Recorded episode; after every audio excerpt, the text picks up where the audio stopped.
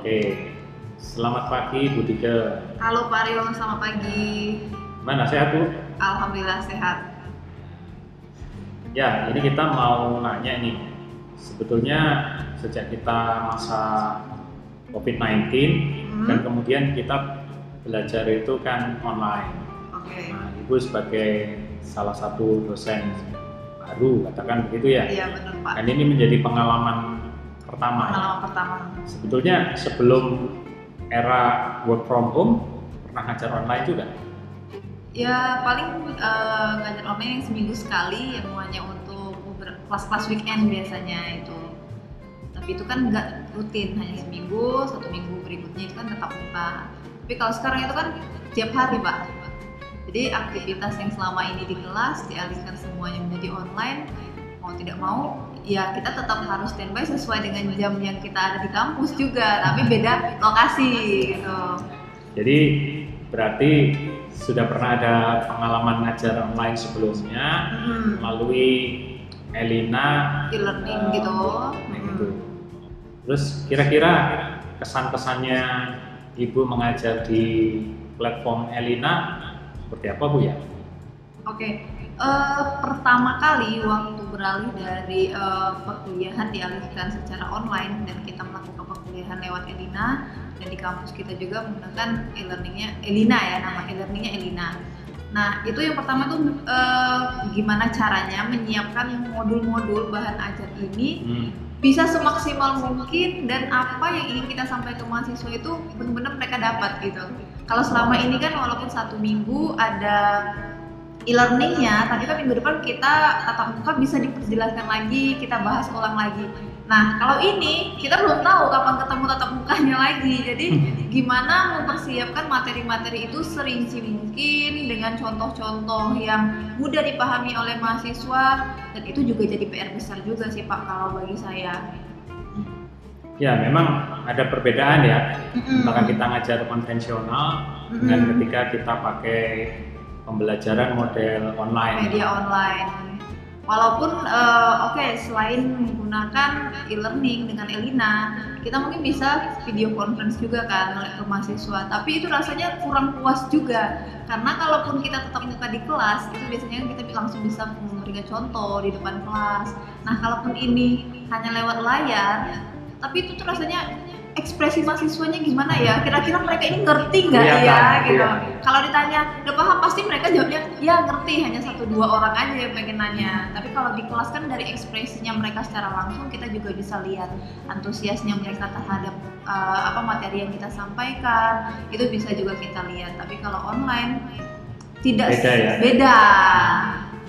Pernah dengar Bu tentang pola pembelajaran asimetrik dan simetrik? Ya, Jadi memang di dalam online ini Hmm? desain pengajarannya memang harus beda.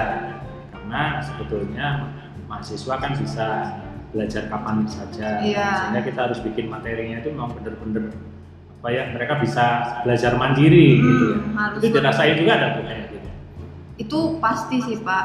Iya itu kalaupun hal yang kayak gitu biasanya kita bisa melihat gimana progres mahasiswa mengerjakan tugas. Hmm. dari sana itu kan nanti akan kelihatan seberapa mereka menguasai materi yang udah dikasih.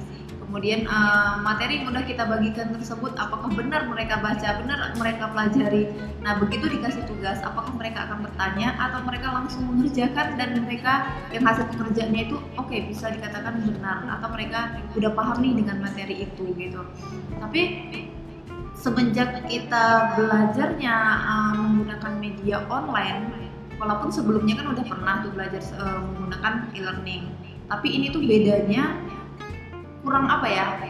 Uh, kurang puas aja sih pak untuk menjelaskan secara langsung dan modul walaupun bagi kita itu ini udah cukup rinci tapi bagi mahasiswa belum tentu. Itu udah rinci gitu apalagi itu materi belum pernah kita bahas sebelumnya gitu materi benar-benar baru bagi mereka Oke Bu, jadi ini kan semester depan Mhm. kelihatannya kita masih memakai pola yang sama ya. iya Nah, kira-kira kan ini masih ada satu bulan dua bulan untuk Mhm. mempersiapkan diri.